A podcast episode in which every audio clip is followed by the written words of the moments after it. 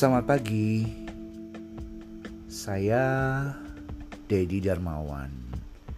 Sedikit punya cerita mengenai how was I as a music director di tahun 2015.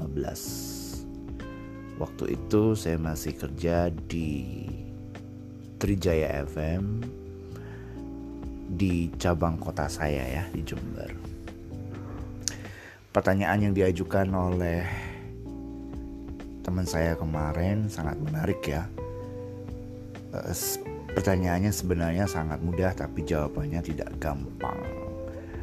Dia bertanya bagaimana sih sebenarnya memilih atau memilah musik yang harus diputar dari satu radio Mungkin setiap radio akan punya satu ketetapan atau peraturan ya.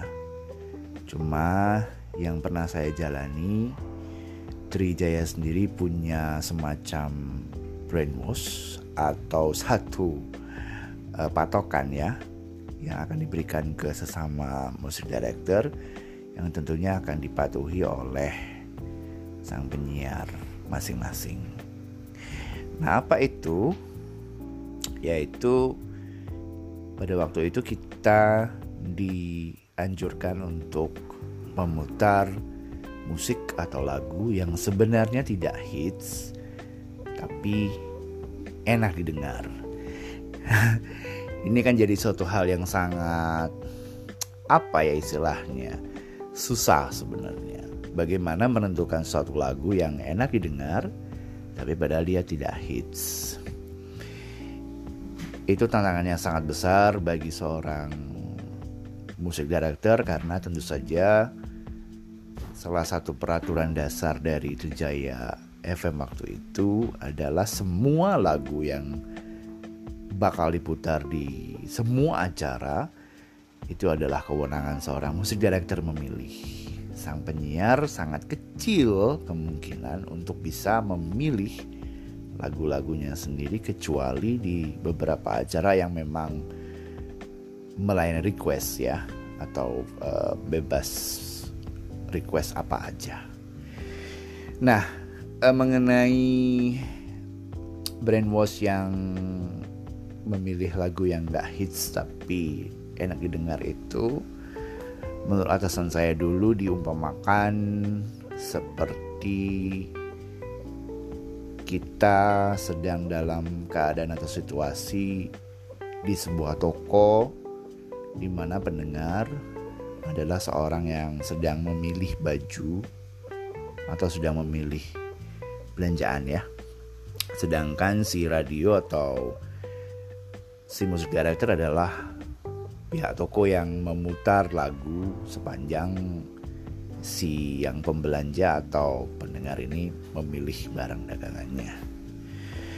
Nah, kemungkinan pemilihan lagu itu sebenarnya akan ada dua kategori yang sangat besar. Biasanya sebelum saya istilah menerangkan dua kategori besar ini saya biasanya tanya ke beberapa calon penyiar atau calon musik director. Coba dengan cepat apa sih lagu yang paling kamu senangi sekarang? Satu aja. Dan apa lagu yang kamu benci sekarang? Satu saja. Ini berpengaruh ya karena kategori pertama adalah kemungkinan terbesar pemilik toko akan memutar lagu yang sangat dikenal dan sangat disuka oleh orang. Sehingga punya akibat atau punya respon si pembeli atau pendengar yang sedang berjalan-jalan atau melihat-lihat barang dagangan akan lebih nikmat atau merespon dengan baik. Karena tentu saja apa yang dia dengar menarik atau memberi semangat untuk membeli, meningkatkan mood dan lain-lain. Itu pilihan pertama.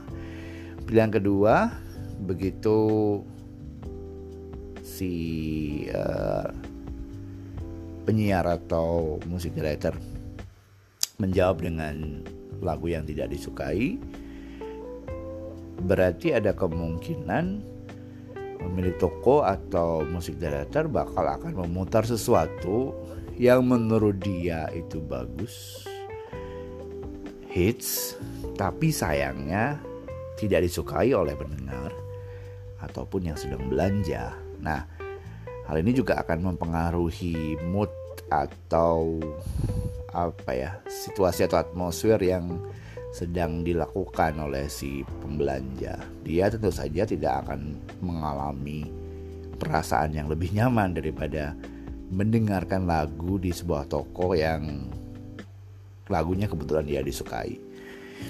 Akan ada rasa yang penolakan atau semacam pengen segera keluar atau segera mengakhiri kegiatan belanjanya. Nah, brainwash yang diberikan oleh Trijaya FM waktu itu sebenarnya bukan kategori satu dan jelas bukan kategori dua ya. yang mereka berikan yaitu kategori ketiga yaitu bagaimana caranya musik director memutar lagu yang tidak hits tapi bisa memberikan respon yang menyenangkan.